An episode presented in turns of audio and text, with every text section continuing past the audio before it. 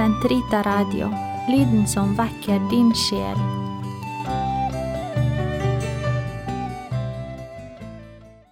Oppdeling av innholdet.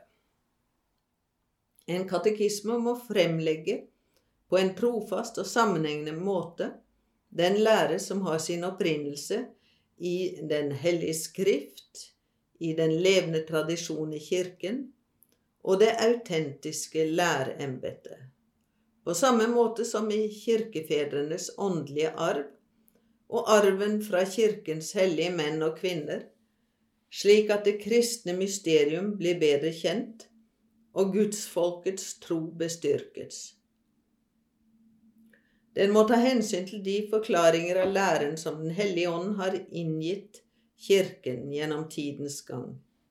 Det er likeledes nødvendig at den kaster troens lys over nye situasjoner og over problemer som fortiden ennå ikke kjente til. Katekismen inneholder derfor både gammelt og nytt, siden troen til alle tider er den samme og er kilden til stadig nytt lys.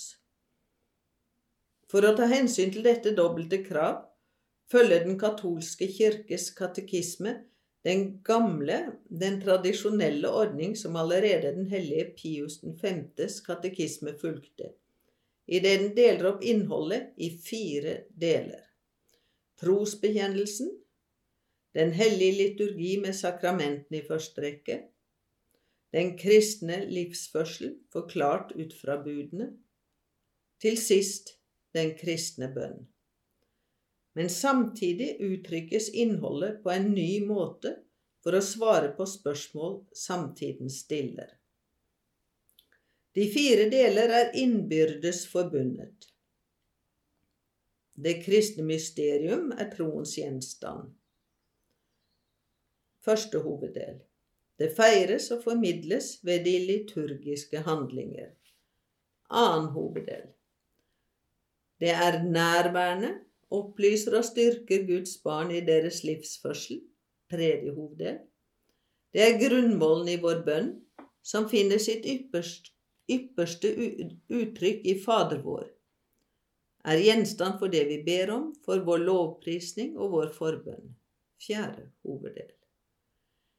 Liturgien er selv bønn.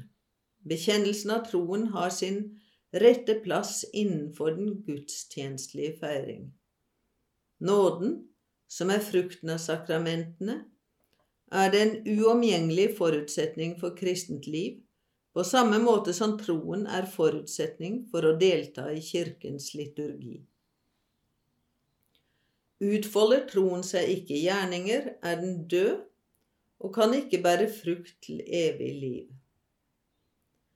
Ved å lese Den katolske kirkes katekisme settes man i stand til å fatte den vidunderlige enhet i Guds mysterium, i Guds råd til frelse, og likeledes Jesu Kristi sentrale stilling. Guds enbårne sønn, sendt av Faderen, som ble kjød i den aller helligste jomfru Marias skjød ved Den hellige ånd til å være vår frelser. Som død og oppstanden er han alltid nærværende i sin kirke, særlig i sakramentene. Han er troens kilde, det kristne livs forbilde og vår bønns læremester. Tekstens læremessige verdi Den eh, katolske kirkes katekisme, som jeg godkjente den 25. juni dette år, altså 1992, og som jeg i kraft av min apostoliske myndighet i dag befaler utgitt, er en fremstilling av Kirkens tro og den katolske lære, slik de bekreftes og forklares av Den hellige skrift den apostoliske tradisjon og det kirkelige læreembetet. Jeg anerkjenner den som et gyldig og godt redskap for den kirkelige kommunion og som en sikker norm for undervisningen i troen. Måtte den fremme den fornyelse som Den hellige ånd uopphørlig fremkaller i Guds kirke, Kristi legeme, på pilegrimsvandring mot Gudsrikets lys uten skygge.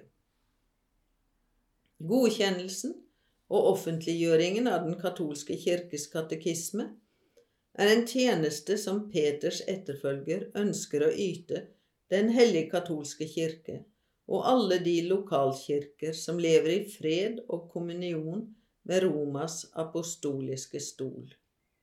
og styrke og støtte troen til alle Herren Jesu disipler, samt å styrke enhetens bånd innenfor den ene og samme apostoliske tro. Jeg ber derfor Kirkens hyrder og troende å ta imot denne katekisme i fellesskapets ånd og å benytte seg av den ofte når de forkynner troen og oppmuntrer til et liv i pakt med evangeliet. Denne katekisme skjenkes dem som en sann og sikker referansetekst for undervisning i den katolske lære og særlig for utarbeidelsen av lokale katekismer. Den skjenkes også alle de troende som ønsker å lære frelsens uuttømmelige skatter bedre å kjenne. Den er ment å være en støtt i den økumeniske bestrebelse, som besjeles av det hellige ønsket om enhet mellom alle kristne, idet den nøyaktig fremlegger innholdet og den indre overensstemmelse i den katolske tro. Til sist skjenkes Den katolske kirkes katekisme alle dem som krever oss til regnskap for det håp som bor i oss, og som ønsker å vite hva Den katolske kirke tror. Denne katekisme er ikke ment å erstatte lokale katekismer som er rettelig godkjent av kirkelige myndigheter, av biskoper og bispekonferanser, særlig når de er blitt godkjent av Den apostoliske stol. Den er ment å være en støtte og hjelp i utarbeidelsen av nye lokale katekismer under hensyntagen til ulike forhold og kulturer, men som nøye bevarer troens enhet og troskapen mot den katolske lære.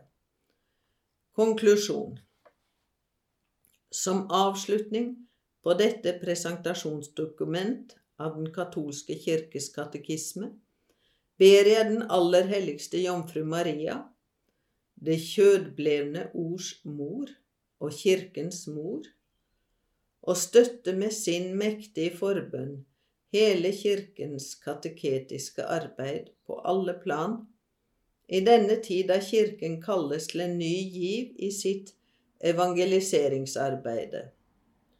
Måtte lyset fra den sanne tro sette menneskeheten fri fra uvitenheten og syndens trelldom, så den kan føres til den eneste frihet som er dette navn verdig, nemlig livet i Jesus Kristus under Den hellige ånds ledelse, både her nede og i himlenes rike i gledens fylde over å se Gud ansikt til ansikt.